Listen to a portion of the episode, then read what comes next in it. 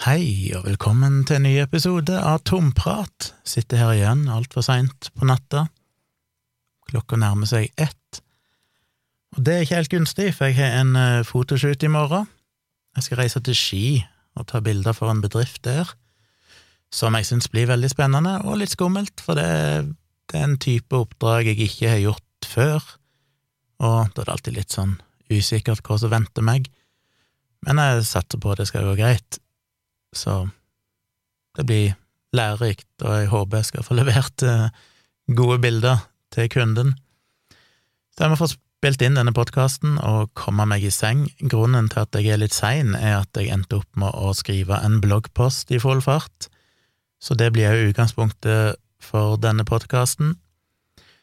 Må jo nevne det at eh, jeg har snakka tidligere om at jeg ble ganske dårlig her i forrige uke, endte opp på legevakten og så videre og fant aldri helt ut hva det var som feilte meg. Det vet jeg fortsatt ikke, jeg var liksom uggen i flere dager etterpå, helt fram til i går, men i dag har jeg følt meg relativt uh, normal igjen, i den grad jeg er normal på noe selvsvis. Uh, helt fram til i går så har jeg liksom fortsatt hatt sånn uggen følelse rett, rett under brystbeinet, akkurat der brystbeinet slutter, på en måte, inni magen. Akkurat som det har vært en slags uh, et ubehag og så har det gjort at jeg har følt meg litt sånn, litt sånn slapp, litt sånn eh, kaldsvetting og ja, bare i dårlig form, generelt sett. Eh, ikke sånn ekstremt dårlig, ikke sånn at jeg egentlig følte meg sjuk, men bare nok til at jeg følte meg redusert. Så det mest nærliggende er jo gallestein. Så jeg skal til legen på onsdag og se om han kan gjøre en rask sjekk, og jeg har fått resept på noen litt sånn sterke smertestillende, just in case, for jeg skal jo på bilferie på eh, fredag, så hvis jeg skulle bli dårlig igjen, så ville jeg helst ha noen medisiner med meg, uavhengig av hva det er for noe, noen litt sterke smertestillende. Men jeg skal til legen og bare få sjekka, fordi familien min har en historikk med gallestein. Både min bror og min far er fjerna galleblærer av mye anfall av gallesteinproblemer, smerter. Så det er jo ikke helt urimelig, jeg har aldri hatt det før, og jeg nevnte det jo til legen da jeg var innlagt på legevakten, han trykte litt rundt på magen min og sånn, og spurte om det var ømt eller gjorde vondt noen plass, jeg sa nei, og da utelukka han egentlig gallestein, men det virker litt rart, for det andre leger jeg snakka med, mener at det ikke nødvendigvis er noe tegn i seg sjøl, men det kan være de var så fokusert på hjertet, det var liksom legevakten, det skulle være litt akutt, så kanskje de ikke var så opptatt av om det var gallestein, for det er jo i så fall ufarlig og bare vondt, så jeg hadde jo allerede fått en vaksine, nei, ikke en vaksine, men ei sprøyte med Voltaren, og de kunne vel ikke gjort så mye mer uansett, der og da, kanskje, så Så jeg vet ikke, skal jeg få prøve å finne ut av det. Jeg håper jo inderlig ikke at det er det, fordi at det er jo noe av det jævligste som finnes. Jeg har hatt nyrestein før, som sagt, det var temmelig ille, og hvis de smertene jeg hadde nå, da jeg endte på legevakten i forrige uke, var gallestein, så er ikke det noe å trakte etter. Og jeg har sett min bror og min far krype rundt på gulvet i smerte når de har hatt anfall, og det ser ikke veldig gøy ut, for å si det mildt. På en annen side sett hadde det jo vært godt å finne ut hva det faktisk var, få en forklaring på det som skjedde, og det ubehaget jeg har hatt, så det er både positive og negative sider ved det. Men jeg har altså skrevet eh, bloggposter, og dette er litt sånn risky, for denne bloggposten publiserte jeg akkurat nå. Jeg har ikke rukket å, å lest gjennom den i sin publiserte versjon, så det kan jo være jeg oppdager noen feil. Men jeg har jo publisert flere bloggposter siden sist, er ikke det? Jeg har Ja, nå husker jeg ikke helt, jo. Allerede den eh, Ja, jo, etter jeg publiserte forrige bloggpost, nei, forrige episode, så publiserte jeg en bloggpost som heter Ti grunner til at covid-fornektere fremstår som idioter. Og den har fått mye visninger. Jeg ser nå at bloggposten er delt nesten tusen ganger og det er vel et konservativt anslag, fordi han får ikke med seg alle delinger på Twitter og Reddit og andre plasser, men på Facebook iallfall så har han plukket opp 798 delinger per nå, så godt som 800. Så det er jo bra, og den har hatt noen tusen, en del tusen lesere. Eh, det er litt sånn spekulativt, selvfølgelig, for det, når han lager sånn liste, ti grunner til at, så vet jeg at det er en effektiv metode å få folk nysgjerrige og få de til å lese. Og det funker jo for så vidt, men det er en viktig bloggpost, synes jeg, for det nå har jeg jo diskutert pandemi og vaksiner eh, pandemivaksiner, covid-vaksiner, i månedsvis. Og det har jo etter hvert utkrystallisert seg noen sånne gjengangere, noen påstander som bare er sånn uavhengig av hvordan du ser på forskning og data, så er de bare meningsløse. De er bare selvmotsigende. Altså, de som fremsetter de, har helt åpenbart ikke tenkt gjennom poengene sine sjøl. Jeg skal ikke gå gjennom denne bloggposten, bare ta det første poenget, for det er liksom ganske sånn typisk. At de samme folkene som hevder at PCR-testene er jo notorisk upålitelige og er minst 90% falske positive, så basically, dere har vel hørt begrepet case-demic, at det ikke er en egentlig pandemi, det er bare en pandemi av eh, tilfeller, smittetilfeller, som da egentlig er falske. Så egentlig er ikke dette noen reell pandemi. Men samtidig så mener jo de samme folkene at eh, alle smitteverntiltak og lockdown og sånn er helt unødvendig, fordi at covid-19 er jo ikke spesielt farlig, det er jo ikke farligere enn en influensa og så videre. Og de to påstandene kan du ikke bruke samtidig, for de slår hverandre i hæl, rett og slett fordi hvis du skal regne ut dødeligheten, så må du ta antall bekrefta smitta og se andelen av de som endte opp med å dø. Men hvis du legger til grunn at over 90% av de bekrefta smitta ikke egentlig var smitta, det var bare falske positive, ja, da øker jo dødeligheten betydelig. For jo færre som Eller for dødsfallene kan du ikke bestride, og hvis de da døde, eh, utgjorde hvis de kommer fra en mindre andel smitta, så betyr det jo bare at enda større andel faktisk døde. Så kan de selvfølgelig bortforklare det med at ja, men dødsfallene var heller ikke knytta til covid-19, men det har jeg et helt eget punkt om, der jeg tilbakeviser det òg, altså at det gir jo heller ikke noe mening hvis du begynner å tenke deg om, og så videre. Så ta gjerne en kikk på den, blir jo alltid veldig glad hvis dere deler videre, fordi det er sånn her eh, tulle mm, antivaksine-bloggpostene og podkastene og sånn, de sprer seg jo som ild i tørt gress. Det er veldig stor spredning av det. Eh, desinformasjon generelt sett har stor spredning fordi det ofte er veldig enkel informasjon som ikke krever veldig mye å ta til seg, og da føler folk seg smarte hvis de tenker at oi, her er dette var interessant, så deler de det videre. Det å debunke informasjon og faktisk gå vitenskapelig til verks krever jo litt mer, og det er ikke så lett dermed å kanskje få folk eh, til å lese det, det er litt tyngre.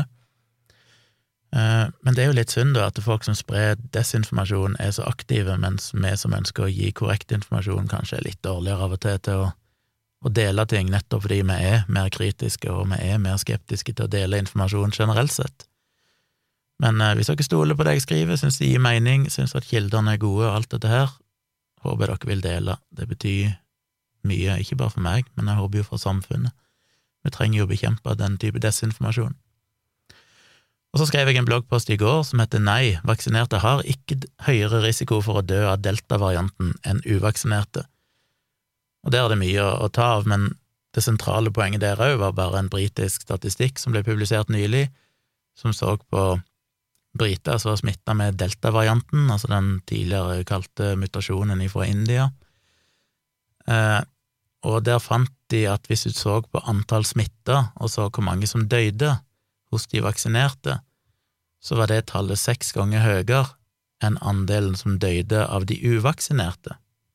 Ergo så var det en artikkel på en litt sånn tvilsom nettside som hevda at Death rate from variant covid virus six times higher for vaccinated than unvaccinated, UK health data shows. Og det er jo en rimelig tolkning. Tallene viser jo det, at hos de vaksinerte så døde seks ganger så mange enn hos de uvaksinerte når de ble smitta med delta-varianten av koronaviruset. Men ser dere feilen her? Ser dere tankefeilen? Ser dere den statistiske feilen? Jo, det er jo selvfølgelig at det òg var, det kan ikke dere vite uten å lese bloggposten, for jeg har ikke sagt tallene, men eh, det var altså 35 000 pluss pluss uvaksinerte som ble registrert, og rundt 4000 vaksinerte. Det var altså ni ganger så mange uh, uvaksinerte som vaksinerte. Med andre ord så er det jo sånn at sjøl om det er korrekt at det var flere av de vaksinerte som endte opp med å dø, så var det jo såpass mange færre som ble smitta i utgangspunktet, at dødeligheten totalt sett er mye lavere hvis du er vaksinert. Så overskriften er jo totalt misvisende. Og så i tillegg, da, så er det jo interessant, ok, da, men vi tar det premisset for gitt, og hvis vi bare ser på de som faktisk ble smitta uten å tenke på at risikoen åpenbart var mye høyere hvis du var uvaksinert. Eh, hvorfor døde seks ganger så mange? Og den mest naturlige forklaringen der, og dette er dokumentet der tallene er henta ifra, er jo ikke en medisinsk studie, det er jo bare sånn rådata som ikke er representative på noen slags måte, det er bare for å prøve å kartlegge sånn utbredelsen av de forskjellige mutasjonene i Storbritannia. Så det gir jo egentlig ingen mening å analysere de dataene i det hele tatt, for det er jo ikke det de er meint for. Men hvis en først skal begynne å tolke de dataene, så er jo den mest nærliggende forklaringen at hos de vaksinerte så vil det jo per definisjon være en betydelig overvekt av folk i risikogrupper, sannsynligvis gamle folk og folk med underliggende sykdommer, fordi det er jo de som er blitt vaksinert først. Eh, de som ennå ikke er vaksinert, de har vaksinert litt under halvparten av den britiske befolkningen, så det betyr jo at de starter med de mest utsatte først, og de som gjenstår, er jo da primært, sånn som i Norge, folk som er unge og friske og ikke egentlig noen risikogruppe i utgangspunktet. Og da er det ikke så rart, hvis du sammenligner ei gruppe med folk i i stor, i, med veldig høy alder og i risikogruppe, med uvaksinerte, som da primært da vil bestå av unge og friske folk, så er det ikke så rart at det dør mange flere i den gruppa som er vaksinert, for de er jo vaksinert nettopp fordi de var i risikogruppe. Så jeg syns den eh, var ganske interessant, for den avslører to ganske, veldig sånn typisk tankefeil folk gjør. Jeg har sett det samme tidligere med data fra mesling og sånn, det er sånn å, flere vaksinerte fikk mesling enn uvaksinerte. Ja, men det er jo bare fordi at 95% er vaksinert mot meslinger, mens det er bare 5% knapt som er uvaksinert, og da vil jo de, hvis vaksinen da er 95 effektiv, så vil fortsatt tallene av smitta hos de vaksinerte være høyere i absolutte tall, men i relative tall, som en andel av de vaksinerte, så er det jo ekstremt mye lavere, fordi vaksinen er ekstremt effektiv mot meslinger. Men det er lett å gå i sånne feller hvis ikke du tenker deg en gang ekstra om og skjønner hva du faktisk ser på. Så jeg syns den var ganske interessant. Men så til dagens bloggpost, og den er jo på mange måter en gjentagelse av ting jeg har skrevet før, men med litt ekstra detaljer.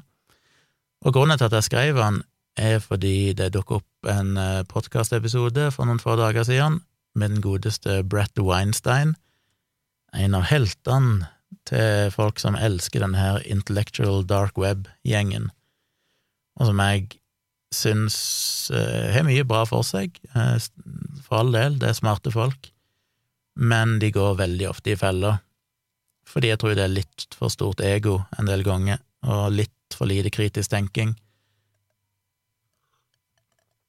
Og det er synd, for de er blitt sånne fyrtårn liksom for kritisk tenking og rasjonalitet, men i realiteten så er de veldig ofte ikke veldig kritiske, de er noe mer opptatt av oppmerksomhet, og det ser vi jo et typisk eksempel på her med Brett Weinstein, at han gjør, og det er ikke første gang.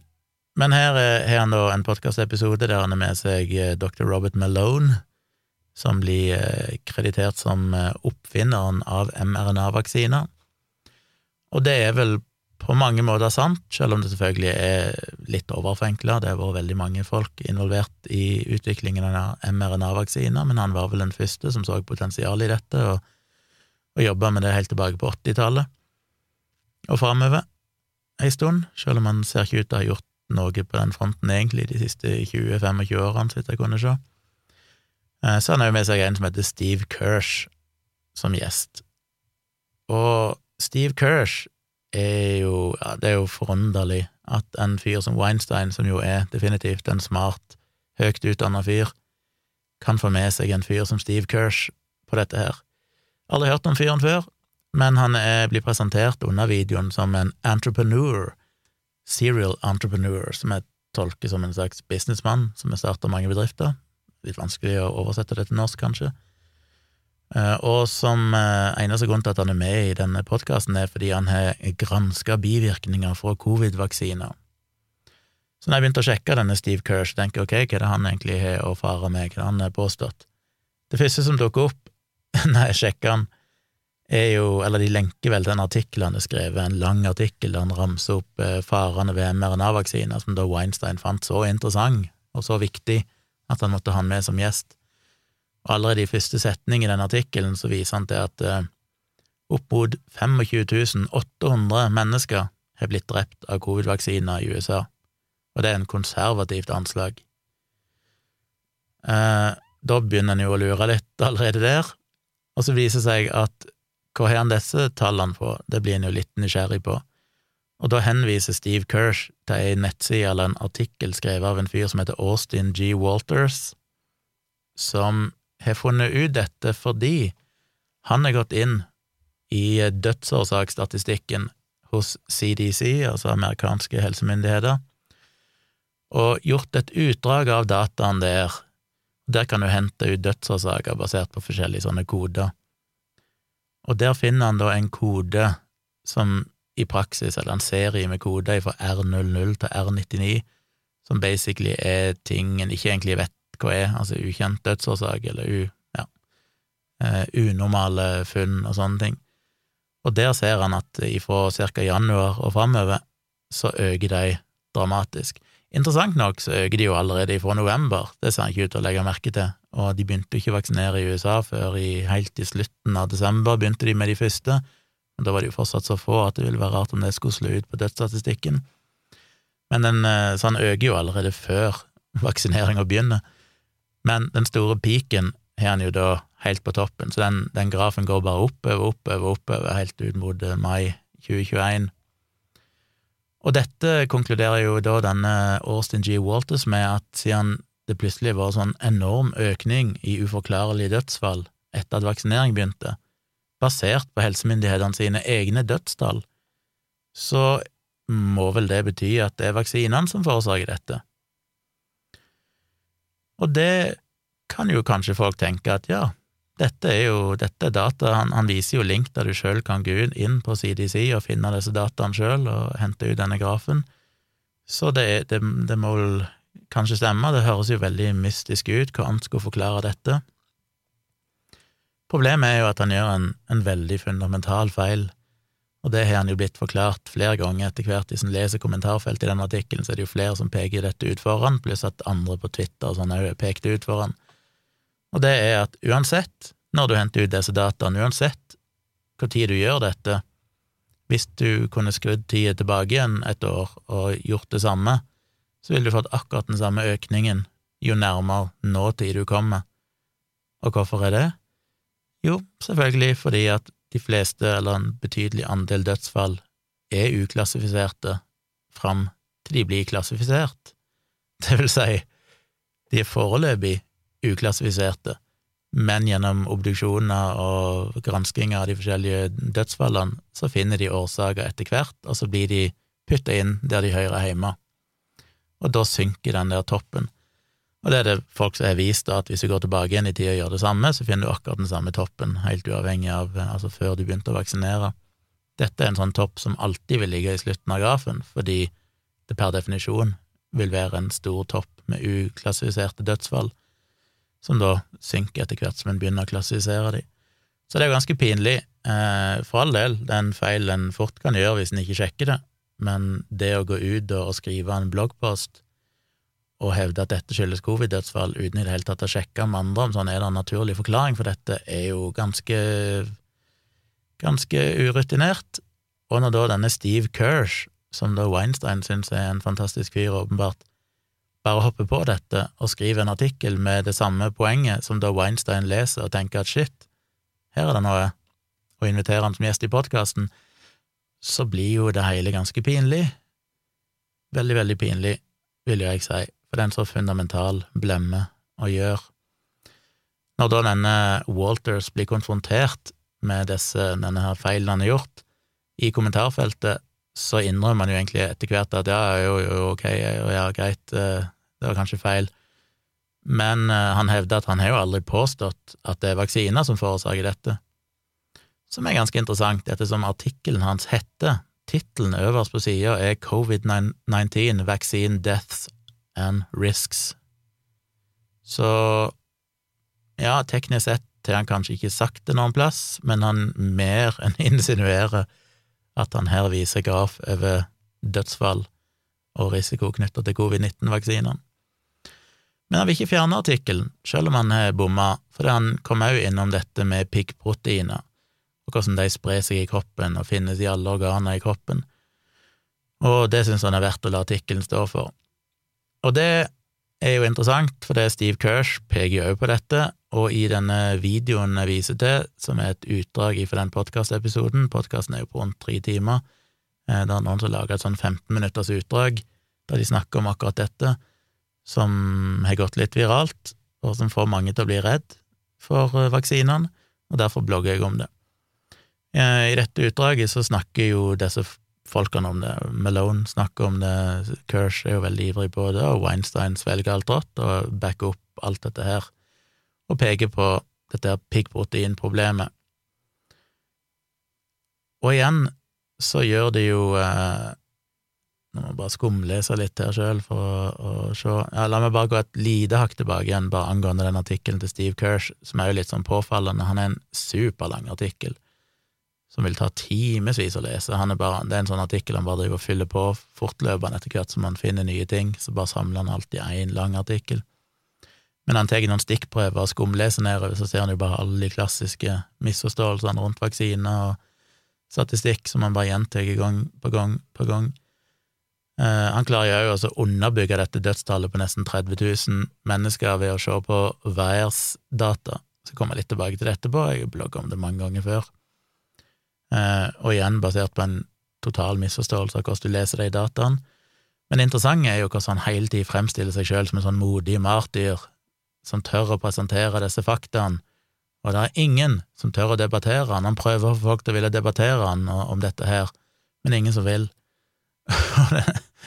Den åpenbare forklaringen er vel, som jeg skriver i bloggpassen, at uh, det at ingen vil debattere han, er vel fordi de fleste ser på han som en skrulling. Han fremstår jo som ganske teit, rett og slett, når han gjør disse feilene, og det er jo da desto mer sjokkerende at Brett Weinstein svelger agnet rått og bare hopper på og er totalt ukritisk til dette. Og det er jo det som skremmer meg. Jeg må innrømme at denne bloggposten inneholder litt sånn mer enn vanlig, kanskje, subjektiv harme, fordi jeg har vært så lei de siste par årene over denne her intellectual dark web-gjengen med at de blir, som jeg sa innledningsvis, blir hylla som sånne kritiske tenkere og fyrtårn av rasjonalitet. Og det viser seg gang på gang, og ikke minst her, at de er litt for lett til å være mer opptatt av å være kontrære og interessante enn å egentlig fremme fakta og sannhet. Så en kan jo spørre seg hvorfor i all verden sjekker ikke eh, Weinstein disse faktaene, hvorfor bare svelger han det? Og da mistenker jeg jo at han nok bli blinda av muligheten til å være politisk ukorrekt, for det er jo veldig viktig i denne gjengen, det å kunne fremme ting som ingen andre tør snakke om, og hvis han da faktisk hadde faktasjekket dette og funnet ut at det faktisk ikke er hold i det, så ødelegger jo det en veldig god historie, og det er kanskje ikke så kult for egoet hans. Og det synes jeg er veldig, veldig trist, at det skal være sånn. Disse er jo intelligente folk som har mye bra å si og kunne gjort mye viktig, men de driter seg ut gang på gang med å være mer opptatt av å liksom bare være ja, Fremstille seg sjøl som modige forkjempere for sannheten som ingen andre tør snakke om, når realiteten er at ofte så, tør, så snakker ikke folk om det fordi at det allerede er vist å være feil. Men ja, eh, tilbake igjen til piggproteinene og nanopartiklene. Vi har jo snakka om det før, jeg har jo blogga om det før, men det kommer jo fram en ny graf nå som ser ut til å ha spredt seg en del, der de har igjen gått tilbake til denne såkalte japanske studien, som jeg eh, først omtalte i den bloggposten om hun, hun Runi Rogers, som trakk fram den, at data fra denne japanske studien, som var helt fersk og, og sånn, og som de påpeker her, kun ble tilgjengelig gjennom en sånn Freedom of Information Act-forespørsel, der de fikk henta den ut, da. Og noen har tatt tallene der og, og plotta det inn i en graf, og da ser det ganske skummelt ut, og det snakker jo da Weinstein og Kershaw Malone om i denne podkasten, der de viser denne grafen og snakker om hvor skummelt dette er. For den viser utbredelsen av ikke piggproteiner i seg sjøl, eh, for det ble jo ikke sjekka i den japanske studien, sjøl om Runi Rogers påsto det, og andre påstod det, så har aldri snakket om noe piggprotein der. Det de snakker om, er jo disse lipide nanopartiklene, altså disse fettboblene som mRNA-molekylet ligger inni når det injiseres i kroppen, sånn at ikke immunforsvaret vårt skal ødelegge mRNA-molekylet før det kommer inn i cellene og får gjort jobben sin, så er det liksom pakket inn i en sånn liten boble som basically består av fett. Og det er da undersøkt distribusjonen av disse fettpartiklene rundt i kroppen etter vaksinering. Og det er jo sånn det blir fremstilt her, da. Dette er et dokument som kommer fra Pfizer sine egne data, sine egne studier, eh, da fra Japan, og den viser alt fra et eh, kvarter etter vaksinen er gitt, og helt fram til 48 timer, og så har de plotta inn da utviklingen, hvor mye de fant av disse nanopartiklene rundt de forskjellige organer. Og det de finner, er jo når du nærmer deg 48 timer, så stiger det kraftig, en kurve som viser hvor mye nanopartikler de fant i eggstokkene, og òg en som viser ryggmargen. Det er de som peker seg ut. Og det er liksom da sjokkerende funn. Og han Robert Malone, han oppfinneren av mRNA-vaksinen, han sier at alle som har sett disse dataene, blir dypt sjokkert, og dette er helt åpenbart svært farlig, og så begynner de å spekulere sammen om hvor mye helseskade dette kan føre til. Det er liksom ikke måte på. Eh, problemet er jo bare det at uh, det er jo ikke det studien viser i det hele tatt. Eh, de, de, de, sier ingenting om dette som er helt sjokkerende. Altså, de fremstiller det som at dette er én vaksinedose, de fremstiller det som at dette er et menneske, men dette var det altså i rotte, og det var ikke én vaksinedose. De ga et sted mellom 18 til 35 ganger høyere dose enn det som blir gitt til mennesker. Fordi dette var ikke en sikkerhetsstudie, dette var ikke en studie for å se seint i prosessen for å sjekke om vaksinen var sikker.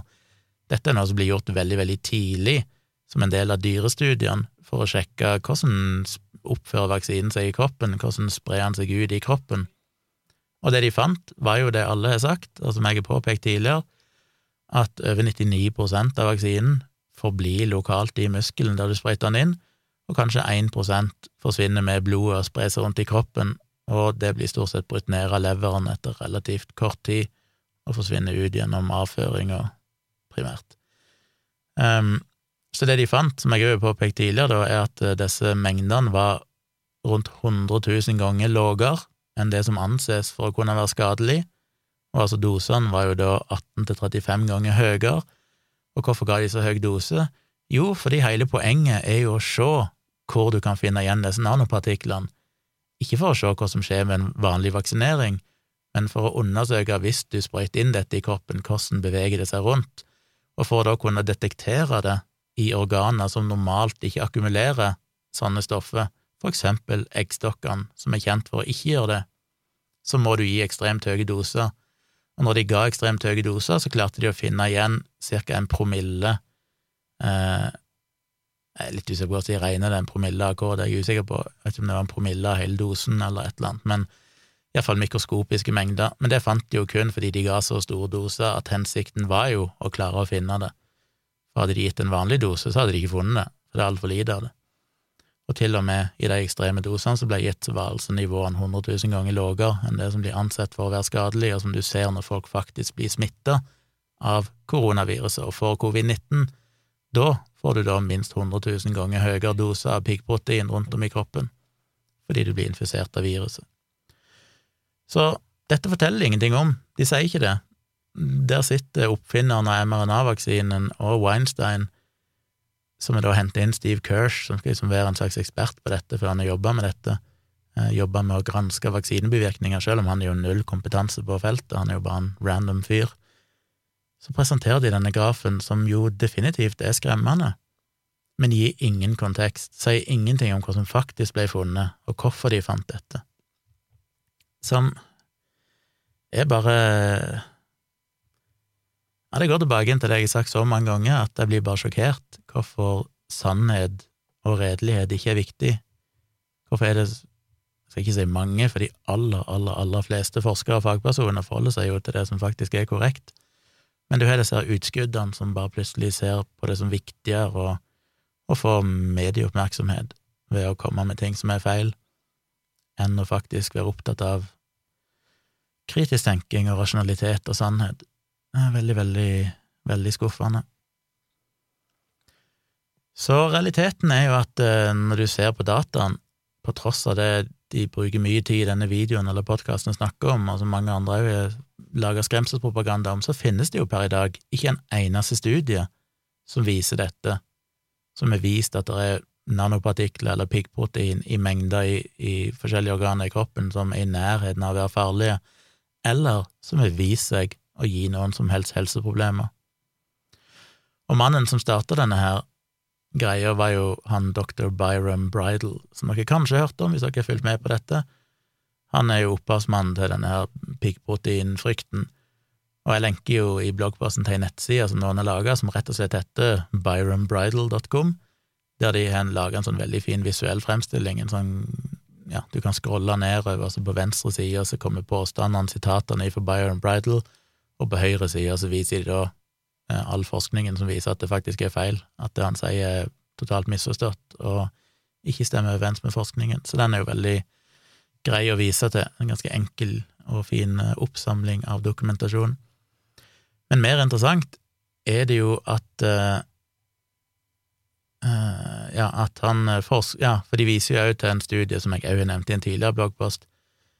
Jeg husker ikke helt om hun Runi Rogas òg nevnte den der de hevda å ha funnet piggprotein i blodet, og visstnok i hjernen, vel, eh, hos 11 av 13 helsearbeidere som fikk sannsynligvis Pfizer-vaksinen. Og han Byron Bridal han hevder jo sjøl at dette er bevis for at vaksinen fører til blodpropp og blødninger, og hjerteproblemer og hjerneskader. Men hvis en sjekker med hva forfatteren av den studien, den studien som fant piggprotein i blodet til 11 av 13 helsearbeidere, altså mannen som utførte selve forskningen, så har jo han uttalt at Bridal is taking our results and completely misinterpreting them.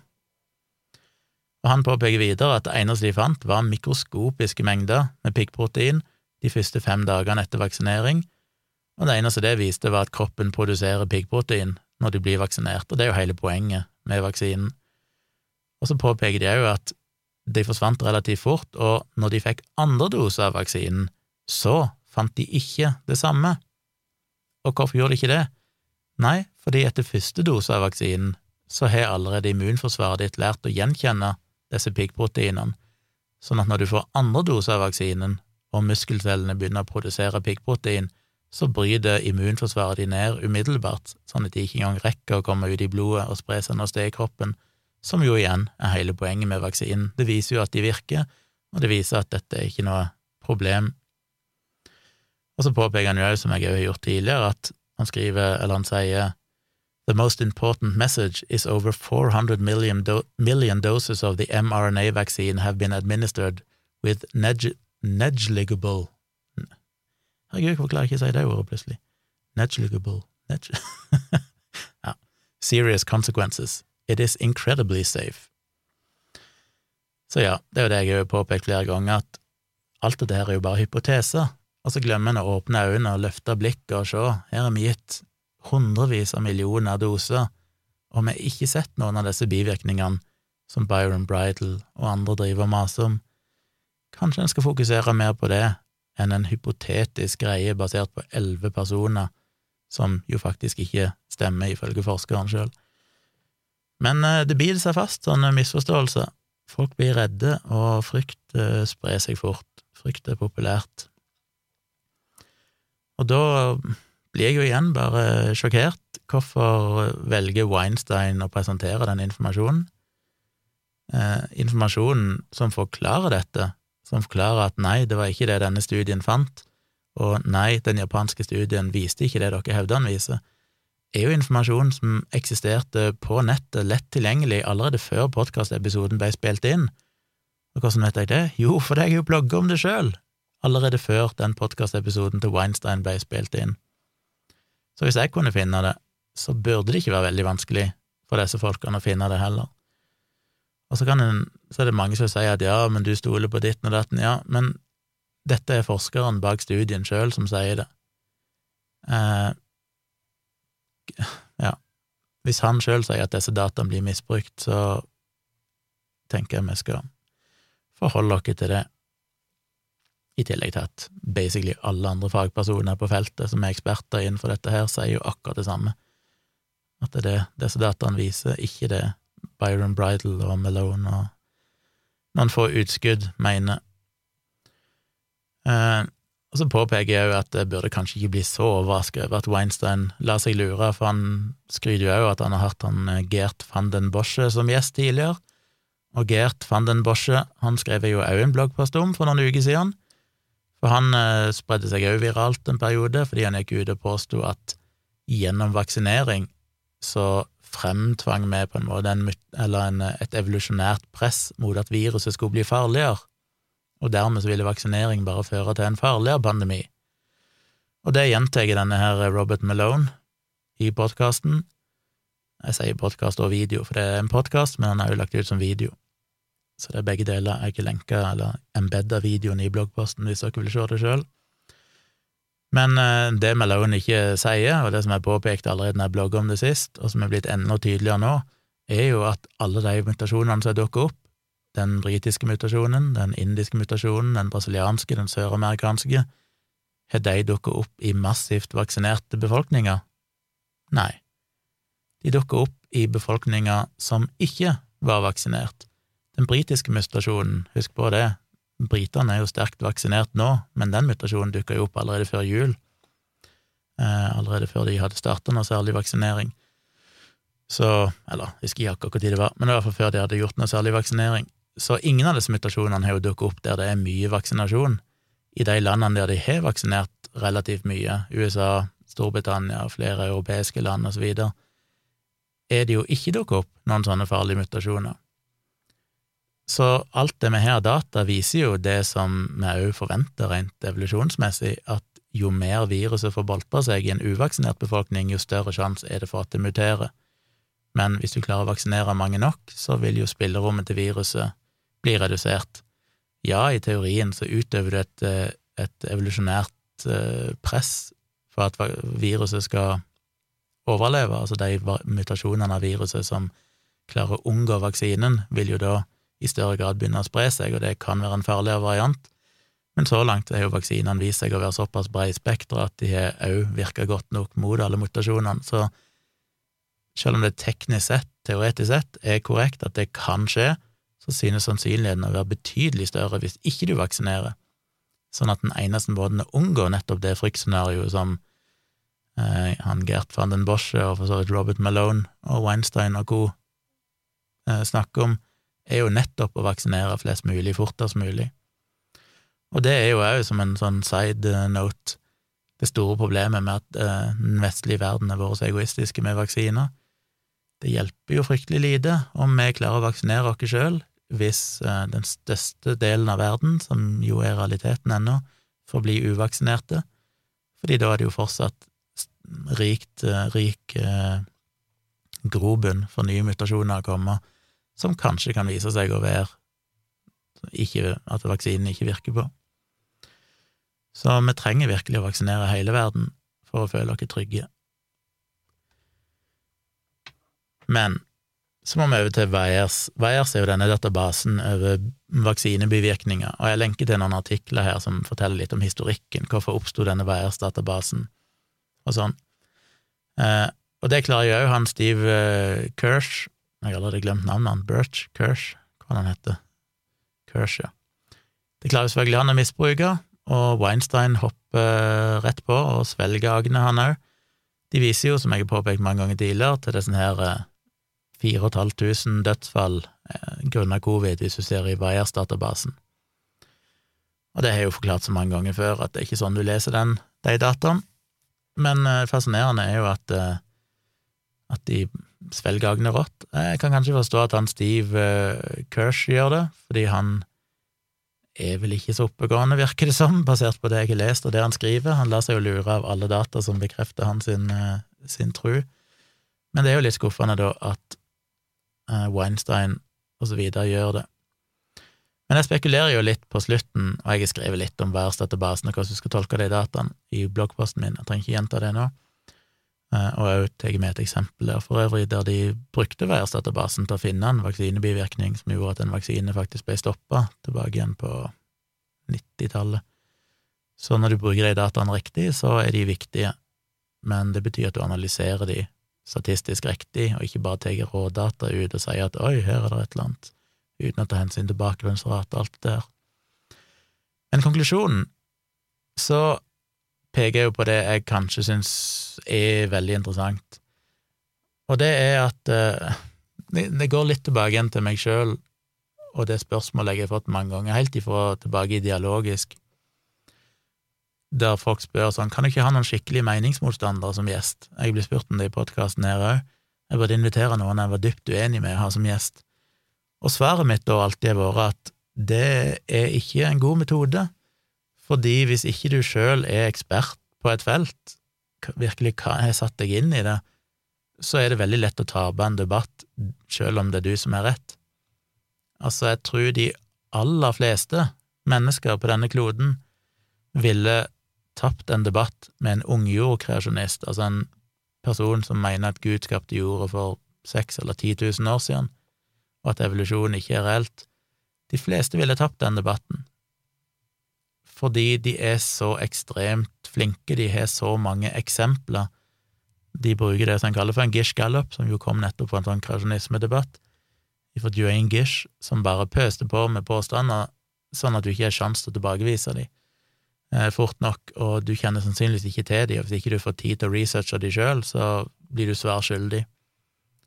Eh, den type debatter har ingenting for seg, og det er det jeg opplever litt med Weinstein her. Han er jo en høyt utdanna, særdeles kompetent fyr, sannsynligvis uh, smart, men han bier seg inn i et felt han ikke kjenner til.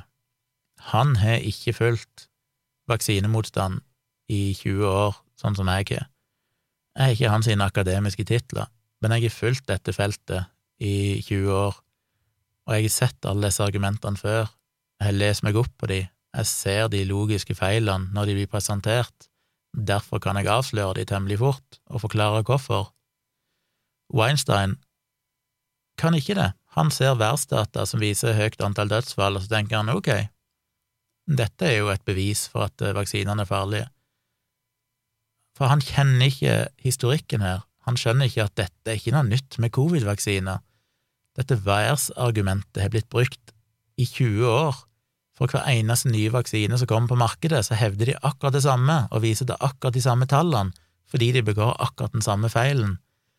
Men det er tydeligvis helt ukjent eh, terreng for Weinstein, så når han får presentert dette, så svelger han agnet rått og bare hopper i det og tenker at aha, nå skal han presentere de harde fakta som ingen tør snakke om, fordi han skal være så politisk ukorrekt, og egentlig så bare dummer han seg veldig, veldig ut fordi han ikke har satt seg inn i, i dette temaet. Han er sikkert veldig flink på de tingene han kan noe om, men det er livsfarlig å begi seg ut på sånne betente områder der du ikke har satt deg inn i argumentasjonen til de som hevder et eller annet, for eksempel vaksinemotstandere. Eh, jeg tror mange av oss òg hadde tapt en debatt med en eh, flatjorder, fordi folk som er opptatt av Flat Earth, har ofte fryktelig mange påstander, og hvis ikke du da er forberedt og kan avsløre deg umiddelbart, så står du igjen som et spørsmålstegn, og de som er seere eller lyttere, vil tenke at å ja, han tapte jaggu debatten, han fyren som mener at jorda er rund. Og det, det, er forferdelig farlig, ikke gjør det. Det er en grunn til at folk som uh, Richard Dawkins heller ikke vil uh, gå i debatt med kreasjonister, nå er jo Richard Dawkins definitivt kompetent til å debattere det, og han har nok hørt de fleste argumentene, men der handler det jo om dette med å ikke gi kreasjonisten en plattform. Hvis du går inn i en debatt med dem, så sier du basically at, at det er en legitim debatt, at uh, denne kreasjonisten da har like verdifulle poeng som Richard Dawkins er, og det er jo farlig. Og det er jo det Weinstein gjør her. Han gir disse folkene en plattform til å spre forferdelig farlig desinformasjon. Jeg mener, USA vil sannsynligvis ikke oppnå flokkimmunitet fordi det er så stor vaksinemotstand. Og hvorfor er det det? Jo, nettopp fordi sånne i gåsehud selverklærte helter som Weinstein og andre, som ikke forstår dette egentlig, ikke har satt seg inn i dette, lar seg lure og bli eh, mikrofonstativ for folk som har forferdelig farlig og feil informasjon å gi. Og vi har jo sett hvordan det bredde om seg, denne frykten for piggprotein, og at dette vaksinen sprer seg i kroppen, og det er ikke måte på, og alt er basert på to studier som ikke sier noen ting om det, som tvert imot sier det motsatte, men fordi en del veldig høylytte folk har valgt å misrepresentere disse dataene og klarer å pakke det inn i ting som at den japanske studien ble henta ut gjennom en sånn Freedom of Information Act request fordi han var top secret, han var unntatt offentligheten, som jo bare er tull. Eller det er riktig at han var unntatt offentligheten, men han var ikke unntatt alle regulerende myndigheter rundt om i verden som skal godkjenne vaksinen. Alle land har tilgang til disse dataene, det er ikke vært hemmelig på noen som helst måte. Og alle har sett de, og alle ekspertene som vurderer dette, har skjønt hva disse dataene sier, og innsett at ja, dette viser jo at vaksinen faktisk ikke er farlig på det området. Men så blir det offentliggjort, og da kommer du til det som jeg ofte påpeker, og som mange vil si høres ut som sensur. Jeg ble møtt med det argumentet nylig i en debatt, der det var sånn å ja, du vil sensurere informasjon. Nei, jeg er ikke for sensur i prinsippet, men jeg er veldig for at data som bare hører hjemme i en vitenskapelig diskurs, ikke har noe nytte, og tvert imot kan være farlige når du offentliggjør dem. Og hvis du tviler på det, så er det jo bare å se på vaksinemotstand, se på denne her piggproteindebatten alle de dataene, sammen med han eh, van der Bosch-fyren som frykta mutasjon av virus og sånn, det er helt legitime bekymringer.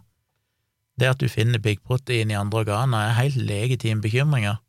Det bruker du til å lage hypoteser som du da forsker på, og prøver å finne ut er dette faktisk reelt i mennesker, har det ført til helseskade? Vi har som sagt vaksinert noen hundre millioner mennesker nå, en burde begynne å kunne finne data på det. Hvis det var en reell bekymring rundt dette, så kan en gjennomføre gode studier på dette. Men det å bare frigi sånn informasjon i offentligheten, og så skal da folk flest gjøre seg opp sin egen mening, vil jo utelukkende føre til at folk blir skeptiske til vaksinene, på fullstendig feil grunnlag. Det er jo akkurat samme grunnen til at vi ikke har lov, i Norge har vi en lov, lov om markedsføring av alternativ behandling, som sier at det er ulovlig for alternative behandlere å vise til forskning som bevis for at behandlingen deres virker. Driver du med homopati, så kan du ikke lenke til studier som viser at homopati virker. Og da er det jo noen som vil si at ja, men det er jo sensur. Hvis det er studier som viser at homopati virker, så må jo folk få lov å se dem. Da er vel de verdifulle. Men da kommer det jo til den der klassiske 5G-feilen, som jeg nesten begynner å kalle det, eh, som jeg har laga egne videoer om, dette her med at du kan telle studier, du kan se på enkeltstudier. Det er ikke sånn forskning fungerer. Du kan gjerne finne 3000 studier som viser at homopati virker, men hvis de 3000 studiene er små og dårlige, så forteller dere ingenting. Hvis det er 100 rigide, gode, store studier som viser at det ikke virker, så er det de som betyr noe, og det er jo det som blir avgjort i systematiske litteraturgjennomganger med en metaanalyse. Da har en jo kvalitetskrav til de studiene som en tar med. Så det er ikke vanskelig å vise at homopati virker hvis du bare velger ut de studiene som viser at homopati virker. Ikke vanskelig å vise at 5G-stråling eh, er farlig hvis du bare plukker ut de studiene som viser at eh, de har funnet en eller annen helseskade. Men når du ikke da vurderer at dette som regel alltid er dårlige, små studier, så vil jo det gi et veldig feil resultat, feil bilde. Og derfor har jo myndighetene sagt at dette er rett og slett forbudt. Det er ikke forbudt å skrive om det i en bloggpost eller dele det på Twitter, det står alle fritt til å gjøre, det er en del av ytringsfriheten, men har du en kommersiell hensikt med det? Skal du markedsføre din egen alternative behandling, så setter vi grenser, du får ikke lov å lure folk for penger ved å misbruke forskning på den måten. Og det er jo det samme som vi ser i dag, det er en grunn til at Facebook og YouTube og Twitter tar ned antivaksineposter, eh, fordi de per definisjon er basert på feil vitenskapelig informasjon. Noen vil kalle det sensur, jeg vil kalle det ekstremt viktig. Ingen som nekter de å publisere den informasjonen på sin egen blogg, men å legge det ut på kanaler som er drevet av private selskap, som mener at folkehelse er viktigere enn ytringsfriheten i akkurat de tilfellene der, så er jeg helt enig. Det har vi sett med Andrew Wakefield, vi har sett hvor stor skade det gjorde at han klarte å spre ideen om at MMR-vaksinen kunne føre til autisme. Det førte til en enorm reduksjon i vaksinering, det førte til enormt økning i antall meslingetilfeller. Det førte til at USA, som var erklært meslingefritt i år 2000, nå igjen er plaga med meslingepidemier stadig vekk, fordi Wakefield klarte å overbevise såpass mange om at MMR-vaksinen var farlig. Ytringsfrihet i sånne tilfeller er farlig, fordi informasjonen skal selvfølgelig være tilgjengelig, men den må være tilgjengelig for de som forstår den. I vitenskapelige kretser skal den være tilgjengelig. Det er interessant for forskere, men å slippe den informasjonen ut i hendene på folk som vil misbruke det, er farlig.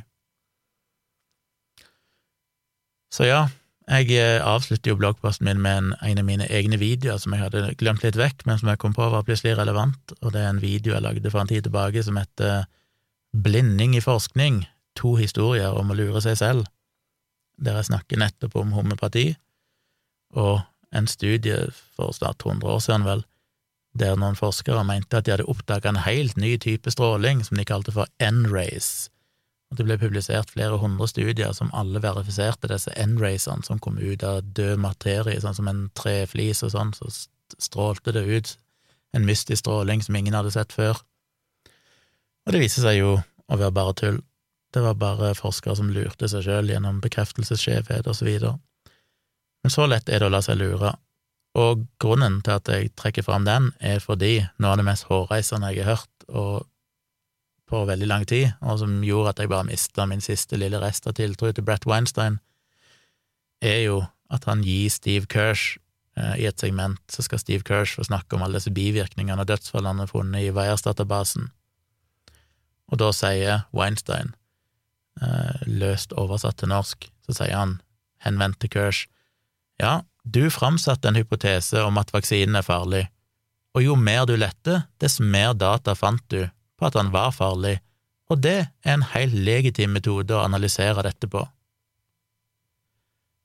Jeg mener, hvis du kan si noe sånt, så er det sjokkerende for meg at du kan ha en eneste akademisk tittel, for da har du feila så totalt i vitenskapelig metode 101. Da vet du jo ingenting om logiske tankefeil som bekreftelsesskeivhet.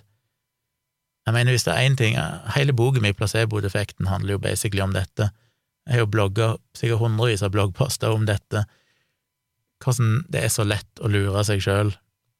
Selvfølgelig, hvis du skal finne ut om vaksiner er farlige og begynne å se etter bivirkninger for vaksiner uten å kvalitetssikre dataen, uten å se det i sin rette kontekst, så er det klart du vil klare å overbevise deg sjøl om at vaksiner er farlige. Det er jo det vaksinemotstandere gjør, fordi de ikke bruker statistisk rigide analyser, fordi de ikke forstår hvordan du faktisk registrerer disse dataene, forstår ikke konteksten til disse dataene. Men det mener Weinstein er en helt legitim metode. Så hvis Steve Kirsch bare gjennom å prøve å finne bekreftelse på det han opprinnelig trodde, fant bekreftelse på det han opprinnelig trodde, så er det en helt legitim metode å bruke, som er like verdifull som alle andre metoder. Og da blir det jo bare panneklasking de luxe. Da blir en sår i panna. Fordi jeg må bare si at jeg sliter veldig med å ta disse Weinsteinene uh, og resten av Intellectual Dark Web-gjengen seriøst når jeg bare ser gang på gang hvordan de driter seg ut på denne måten. Det er synd. Og det er synd at de har blitt sånne fanebærere for kritisk tenking, som sagt, når de på ingen slags måte er det. Det er veldig mye confirmation bias ute og går hos den gjengen der. Så anyway, det var en liten gjennomgang av de tre siste bloggpostene, spesielt den siste. Um, setter veldig pris, som sagt, om dere vil lese, og ikke minst dele, til dere blir blå i uh, delefingeren. Så skal jeg uh, sjekke og pakke kamerautstyr, så jeg er klar til i morgen tidlig. Må jeg tenke meg om litt. Jo, jeg rekker vel en episode til før jeg stikker av gårde, så det kommer vel en episode på fredag hvis ikke det blir for travelt i forkant. Men så reiser jeg som sagt på ferie i ca. ti dager, så det blir en to-tre episoder jeg må skippe før jeg er tilbake igjen i begynnelsen av juli med neste episode. Det samme gjelder Virkelig grusomt, den andre podkasten jeg har sammen med min samboer Tone, der vi forteller grusomme historier fra virkeligheten. Eh, der tar vi òg en liten pause mens vi er vekke, men vi er tilbake igjen, så det kommer flere episoder utover sommeren etter lite, et lite avbrekk. Men jeg skal se om jeg rekker å få ut den episoden nå førstkommende fredag, før jeg reiser. Så da vil jeg bare takke igjen for at du hørte på. Eh, lenge siden jeg har sagt det, men eh, veldig glad hvis dere vil støtte meg inne på patronen min, på patrion.com slash tjomli. Jeg har jo som sagt oppretta et nytt nivå der som er veldig billig, 30 kroner i måneden, for å støtte meg. hvis du vil gå for det laveste nivået. Det finnes også høyere nivåer, til 50 og 100 og 250 og hva det er for noe, kroner, og du får litt forskjellige ting i bonus tilbake igjen, avhengig av hvilket nivå du er på. Så veldig kult om du støtter meg på Patrion, fordi eh, ja, dette her tar tid. det går eh, ja, Nei, jeg skal ikke si noe om det. Det tar tid, for å si det sånn, og jo mer eh, ressurser jeg har til å kunne prioritere dette, jo lettere er det for meg å kunne blogge og lage podkast og sånn, så jeg blir veldig, veldig glad hvis dere vil støtte meg der. Så takk for at du hørte på. Les og del, så høres vi kanskje igjen før jeg stikker på ferie.